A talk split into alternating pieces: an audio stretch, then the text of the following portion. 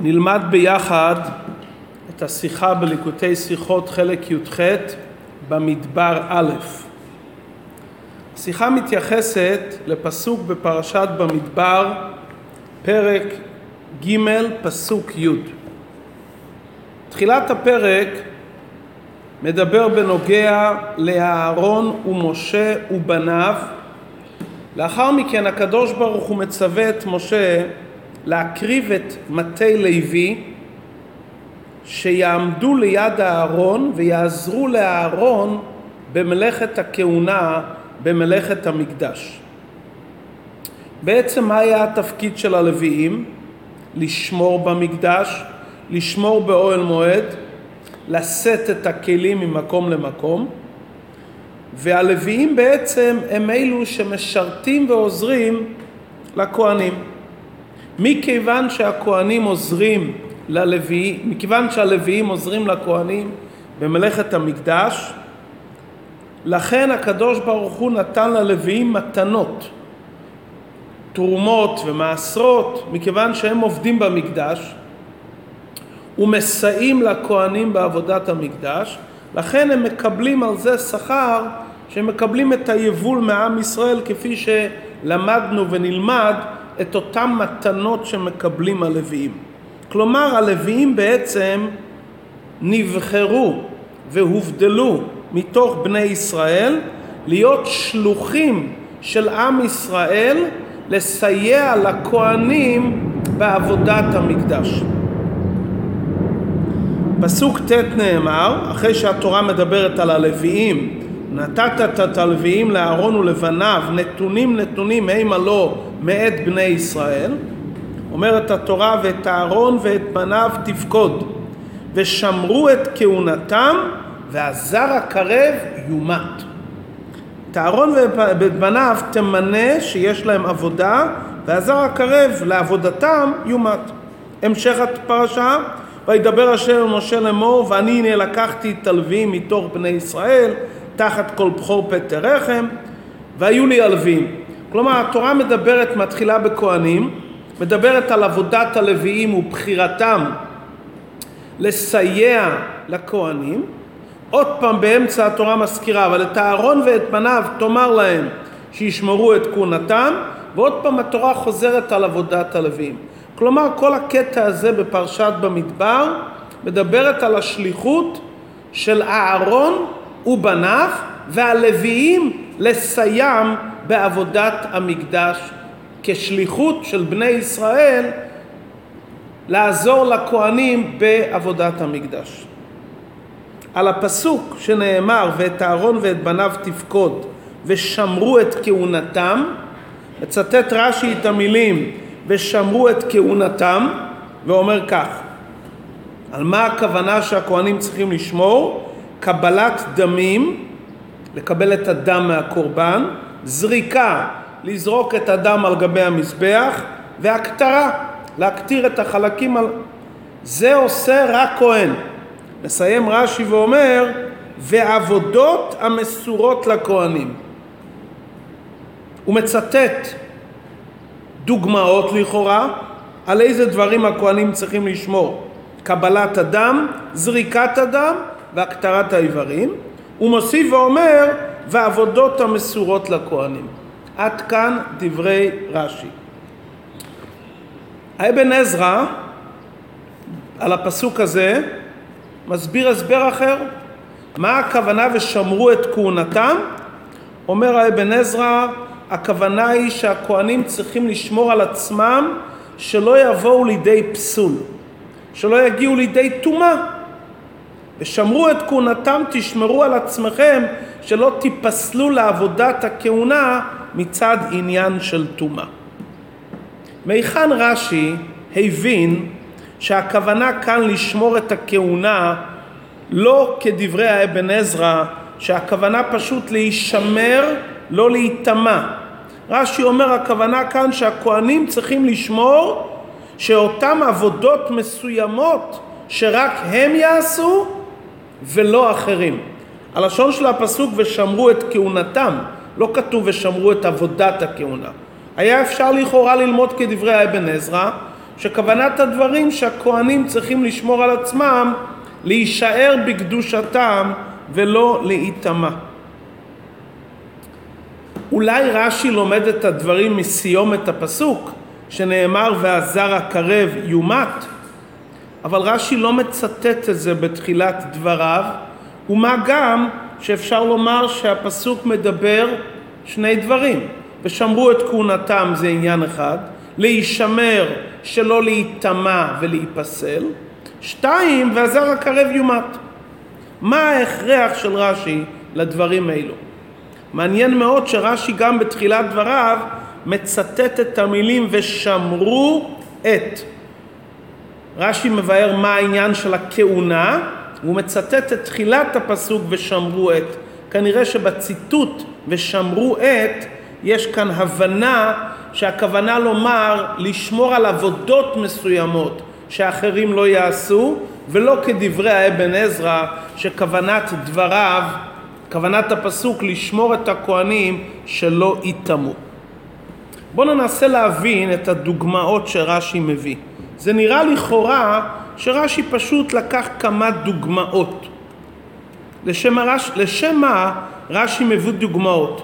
רש"י יכל לומר בפשטות עבודות המסורות לכהנים תשמרו על אותן עבודות שמסורות לכם ואם משום מה רש"י רוצה לפרט את אותן עבודות שמתבצעות על ידי הכהנים רש"י יכל לומר מקבלת אדם ואילך הרי ידוע שהשחיטה עצמה יכולה להיעשות גם על ידי זר ממתי הכהן נכנס בעיקר לעבודת הכהונה?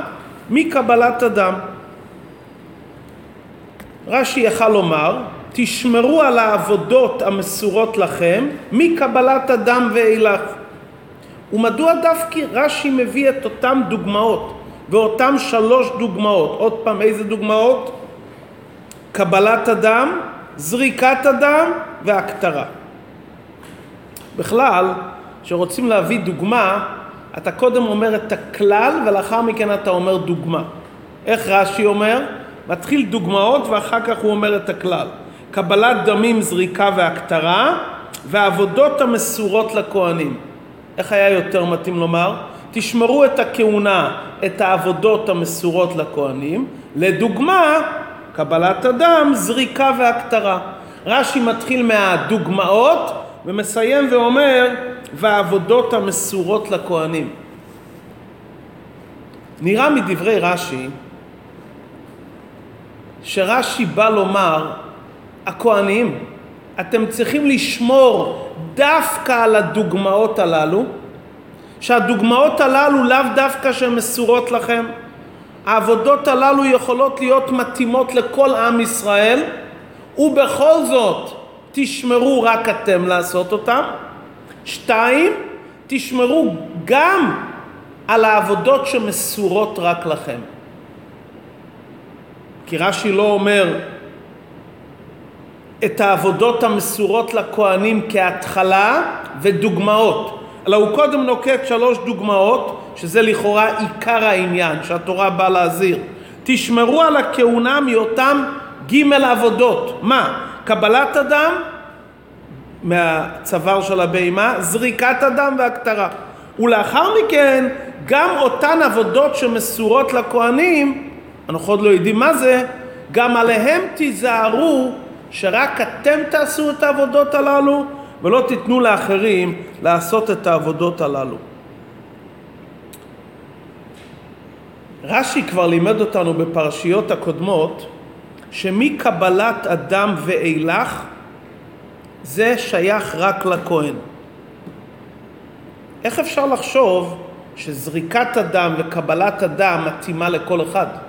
אם אנחנו כבר למדנו בעבר, ורש"י מצטט את זה בספר ויקרא, בנוגע לקורבנות עולה וכדומה, שמקבלת הדם זה שייך רק לכהנים.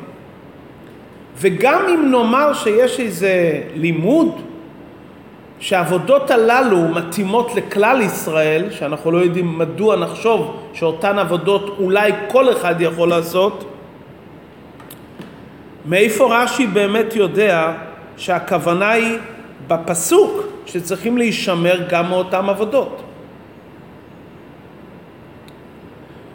כדי להבין זאת, נחזור רגע לפסוק. אמרנו שהפסוק מתחיל ככה: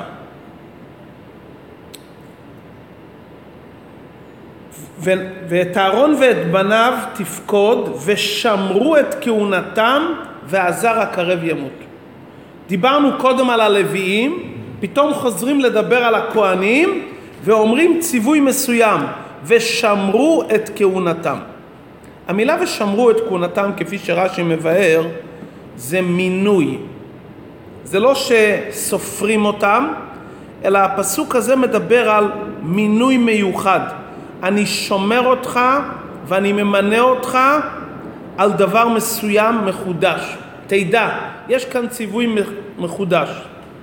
אם הכוונה כדברי האבן עזרא, שכוונת הפסוק להזהיר את הכהנים שלא להיפסל בטומאה, זה ציווי חדש? למדנו בפרשת אמור שהכהנים נצטוו להישמר ולא להיטמע. אנחנו כבר יודעים את זה. שהתורה אומרת ציווי מיוחד, וידבר השם אל משה לאמור, ושמרו את כהונתם, יש כאן מינוי מיוחד, יש כאן ציווי מחודש. לכן רש"י קשה לו לקבל את דברי האבן עזרא שהתורה חוזרת ואומרת עוד הפעם להיזהר מפסול בזמן שהתורה אומרת ציווי חדש אני פוקד אותך ומצווה אותך לשמור אומר רש"י מה זה הציווי החדש? מה התפקיד החדש? כהנים קיבלתם תפקיד חדש מלבד מה שנאמר בפרשת אמור להיזהר לא להיטמע ולהיפסל מהכהונה עליכם להיזהר שאותן עבודות שמסורות לכהנים, רק אתם תעשו את זה. ולכן רש"י מצטט בתחילת דבריו, ושמרו את. יש כאן ציווי מחודש. אתה צריך לשמור ואתה ממונה על דבר מסוים. כלומר, זה ההוכחה שמדובר כאן על דבר חדש שאנחנו לא יודעים מהפרשיות הקודמות. ובזה רש"י מבאר קושי שמסתכלים בסדר הפסוקים, הפסוקים מדברים על הלוויים. פתאום נכנס כאן פסוק על הכהונה. מה פתאום באמצע הדברים שממנים את הלוויים, הקרב את מטה לוי ועמדת אותו לפני אהרון הכהן ושירתו אותו, הציווי ללוויים שתפקידם לעזור לכהנים, פתאום בתוך הדברים מזכירים לכהנים תזכרו שישנם עבודות שרק אתם צריכים לשמור. כלומר, היה לנו הווה אמינא, היה לנו סברה שמהמשך הפסוקים אולי כן יכולים לעשות את אותן עבודות של הכהנים, ואז הפסוק אומר לא, לא, לא, תדע שזה אסור. מדוע? הסברה פשוטה. פתאום אנחנו רואים שלא רק הכהנים מובדלים לעבודת הקודש, אנחנו רואים שלוקחים את הלוויים שיסייעו להם. בשירה, בשמירה על השערים, בנשיאת כלי הקודש. וכפי שרש"י אומר, שבעצם הלוויים הם שלוחים של עם ישראל כולו לסייע לכהנים בעבודת המקדש. ושרמו את משמרתו ושרתו אותו. בא יהודי ואומר, רגע, אם הלוויים נבחרו לסייע לכהנים והם באים בשליחותנו ולהם מותר לעשות עבודות שונות במקדש. למרות שעד עכשיו ידענו שרק כהנים משרתים במקדש פעם ראשונה שאנחנו לומדים שגם הלוויים יש להם עבודה במקדש.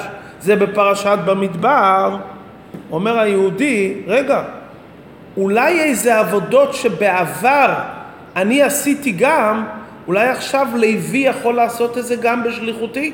הנה התורה הרי נותנת ללוויים את היכולת. בלשון רש"י, כולם זקוקים לצורכי המקדש. כל אדם. אלא שהלוויים באים תחתיהם בשליחותם. אז אם ממנים את הלוויים בשליחות של כל עם ישראל לבצע מה שאני צריך לעשות ומתירים להם ואומרים שהם צריכים לעזור, היו כמה עבודות שישראלים עשו, ואולי את אותן עבודות לוי יכול לעשות. אומרת התורה תדע, שלמרות שנראה לך שלוי מכיוון שמגייסים אותו לעזור לכהנים הוא מסייע, אולי תחשוב שכל העבודות הוא יכול לסייע, מכניסה התורה בתוך הציווי על הלוויים עוד פסוק, הכהנים תזכרו, נתתי ללוויים עבודה לעזור לכם ולסייע בדברים מסוימים, אבל במלאכת הכהונה, שמה היא? קבלת הדם, זריקת הדם והכתרה, אתן הכהנים נשארים רק אתם, וגם שאר העבודות שמסורות לכהנים, רק אתם. אבל מה פתאום שהיינו חושבים שהעבודות הללו של זריקת הדם, קבלת הדם, זריקת הדם והכתרה, אולי גם לוויים יכולים לעשות. כאן צריכים להתבונן בסיפורים שהיה לפנינו. איזה קורבן אנחנו מכירים שעם ישראל עשה? קורבן פסח. קורבן פסח, כל אחד לקח שא לביתו, והתורה מצווה שבליל הפסח ולקחו מן הדם ונתנו על שתי המזוזות ואכלו את הבשר צלי אש על קרב ועל קרבו. כלומר, כל יהודי בבית שלו גם קיבל את הדם ולקחו את הדם מן הדם, גם שם את הדם על המשקוף, שזה כעין הזעה על המזבח, וגם אחר כך הקטיר את הקורבן צלי אש. כלומר, ראינו כבר בעבר שאותן עבודות נעשו לא על ידי לוויים, נעשו על ידי כל אחד מישראל בביתו בקורבן פסח שהוא היה הקורבן שבזכותו יצאו ממצרים. אם כן, אם כבר בעבר אנחנו עשינו את זה, ועכשיו באמת בחרו את הכהנים, ואנחנו ישראלים, אבל שהתורה אומרת עכשיו שהלוויים נבחרו גם להיות משרתים ושלוחים של עם ישראל בעבודת הכהונה, אז היה ניתן לחשוב שכשם שבפסח מצרים העבודות הללו נעשו על ידי כל אחד מישראל, עכשיו העבודות הללו ייעשו לפחות גם על ידי הלוויים, כי הלוויים הרי נתמנו להיות שלוחים של עם ישראל.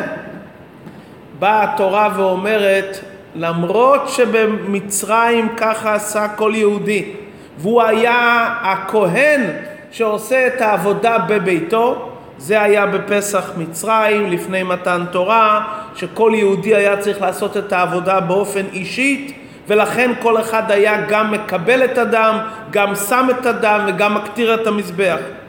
עכשיו רק כהנים עושים את זה, והלוויים קיבלו עבודות מסוימות בלבד שהם יכולים לעשות. ואז האדם אומר לעצמו, אם עבודות שכבר עשינו בעבר לוי לא יכול לעשות, שהוא משרת במקדש, כל שכן שהעבודות שרק כהנים עושים ולעולם לא עשינו, בוודאי שרק כהנים יכולים לעשות.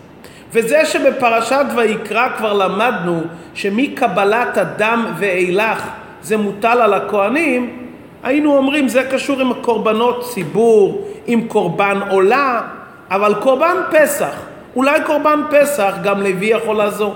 על זה אנחנו לא יודעים, והנה ראינו שבקורבן פסח היו דברים חריגים יוצאים מן הכלל, שכל אחד היה כעין הכהן שעושה את כל העבודה בביתו.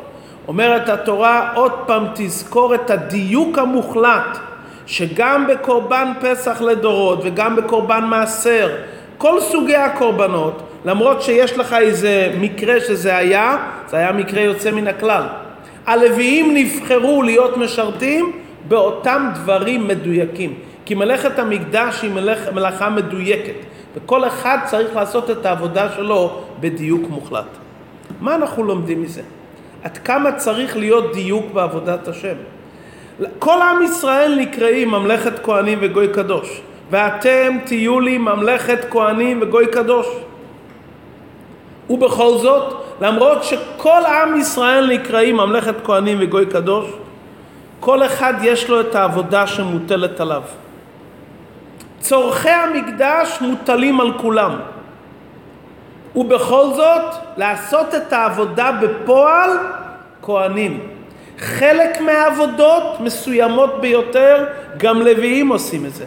ואם חס ושלום ישראל נכנס לעשות את עבודת הכהונה או הלוויה, ועל דרך זה לוי נכנס לעשות את העבודה של הכהונה, התורה אומרת והזר הקרב יומת. תבין עד כמה הדברים מדויקים ועד כמה הדברים צריכים להיות בדיוק כל אחד במקומו. אתה חושב, רגע, אני אבוא לעזור ללוויים? הלוויים יעזרו לכהנים, אני אוסיף בקדושה. להפך, אם אתה במקום קדוש משנה ולו בדבר הכי קטן, אתה גורם להיעדר המציאות שלך. כי במקומות קדושים אתה לא יכול לעשות שום אה, חשיבה עצמאית שלך ולימוד במקומות אחרים. מה שאמרו לך, אמרו לך, מה שלא אמרו לך, לא אמרו לך, וכאן אתה לא יכול להגיד, רגע, אני רוצה לעזור, אני רואה שהלוי קורע תחת מסעו, הכהן קורע תחת מסעו, אני רוצה לעזור לו. העבודה צריכה להיות מדויקת. במקומות קדושים יש לכל אחד את התפקיד האישי שלו מדויק, וכאן אי אפשר ללמוד מדבר על דבר. גם כשמגייסים את הלוויים לעזר וסיוע ואומרים שהם שליחים של עם ישראל, עדיין אומרים להם, תשמרו רק את המשמרת שלכם, את אותן עבודות המוטלות עליכם, ושאר העבודות, למרות שבעבר עשינו אותן, היום רק כהנים יכולים לעשות את זה. אנחנו רואים את זה בתורה בעוד כמה נושאים, שדברים שהיו פעם חביבים מאוד, לדוגמה, במה, כל מיני דברים שהקריבו בכל מיני מקומות, היום זה דבר אסור לחלוטין. בדברים שהם לכתחילה קדושה עילאית, אנחנו צריכים להיות מדויקים בתכלית. ומכאן אנחנו למדים עוד דבר חשוב. שאם בתוך עם ישראל, שנצטווינו על אהבת ישראל ואחדות ישראל, וזו מצווה חשובה מאוד, בכל אופן יש הבדלה ברורה, תפקידים ברורים לכל אחד, בוודאי ובוודאי שמדובר על המחיצה וההפרדה בין עם ישראל לעמים, המבדיל בין ישראל לעמים, אם רוצים לערב גוי, חס ושלום, שלא באמצעות גיור כהלכה מדויק, שהוא ממש זר, אנחנו כל עם ישראל ממלכת כהנים וגוי קדוש ורואים איזה דיוק ואנחנו נקראים זרים לגבי עבודת המקדש למרות שכולנו נשמה אחת ממלכת כהנים וגוי קדוש. על אחת כמה וכמה אם מביאים מישהו שהוא זר באמת מהעמים אפילו הטובים בגויים הם נקראים זרים ועמדו זרים וראו צונכם לא חלק מעם ישראל. לעם ישראל יש תפקיד מיוחד. לפעמים האדם אומר, רגע, אני אתן לאיזה עוד גוי שייכנס לעם ישראל, באמת זה סכנה, אבל זה יהיה טובה לגוי, והוא יסייע לעם ישראל, ולך תדע איזה דברים טובים יהיו בזכות הגוי, שהכנסתי אותו כביכול לכלל ישראל תוך יישוב מוטה. לא רק שלא עשית טובה לעם ישראל, ולא רק שלא עשית טובה לגוי באופן אישי, עשית חורבן לעם ישראל וחורבן לגוי. זה נזק עצום לגוי באופן אישי, כי ברגע שהוא לא נמצא במקום שהוא צריך להיות, כי הוא לא יתגייר כהלכה והוא יתערב חס ושלום בעם ישראל, זה מביא תקלה והפך החיים לא, מביא תקלה גדולה לכולם, עד כדי כך שזה גורם להפך מהמציאות שלו. רק כאשר אנחנו לא משנים את הכללים המדויקים של בורא העולם, שהוא שם את הגבולות המדויקות, והוא אמר לנו איך לעשות את עבודת המקדש. מי יעשה את עבודת המקדש? הוא אמר לנו מי נכלל בכלל ישראל ואיך אפשר להיכנס לכלל ישראל. רק כששומרים על ההבדלה בין ישראל לעמים, ניתן להגיע לשלום אמיתי ולטוב בעולם לכל באי עולם. כמו שלא מזמן הביאו דוגמה, תפילין, אם הם יהיו בדרגה הכי מהודרת, אם הבית יהיה מפלסטיק, אין בזה קדושה. אם ייכנס גוי לכלל ישראל כמחווה, כרצון טוב, מכיוון שהוא משרת באיזה תפקיד וכולי, יהודי הוא לא יכול להיות. להתכנס לכלל ישראל זה רק לפי הכללים שהקדוש ברוך הוא הגדיר. ואם חס ושלום זה לא ככה, אז זה מערער את היציבות של עם ישראל, מערער את השמירה של עם ישראל, וגורם נזק לא כאיש פרטי ולנו כעם ישראל כולו. אנחנו לומדים מכאן את המושג של מצד אחד אחדות ישראל, אהבת ישראל, מצד שני, לעזור לכל העולם כולו ולהיות נר לגויים ואור לגויים ולעזור ולסייע לכל גוי באשר הוא, ולאידך, כניסה לעבודת המקדש, כניסה לכלל ישראל, יש בזה דברים ברורים ומוגדרים, ואם פה אנחנו עושים איזה משהו שהוא הפך הכוונה, אנחנו משבשים את כל סדרי בראשית. המבדיל בין ישראל לעמים, זה עושה את השלום האמיתי בין ישראל לעמים. שיש הבדלה ברורה ומחיצות ברורות, זה מביא לעניין של שלום אמיתי. בכל תחום בחיים, שיש גבולות ברורים ושמים את המחיצה במקום הנכון ומדייקים על המחיצה, אדרבה. זה מביא לשלום אמיתי, זה מביא לטוב אמיתי לנו ולכל באי עולם.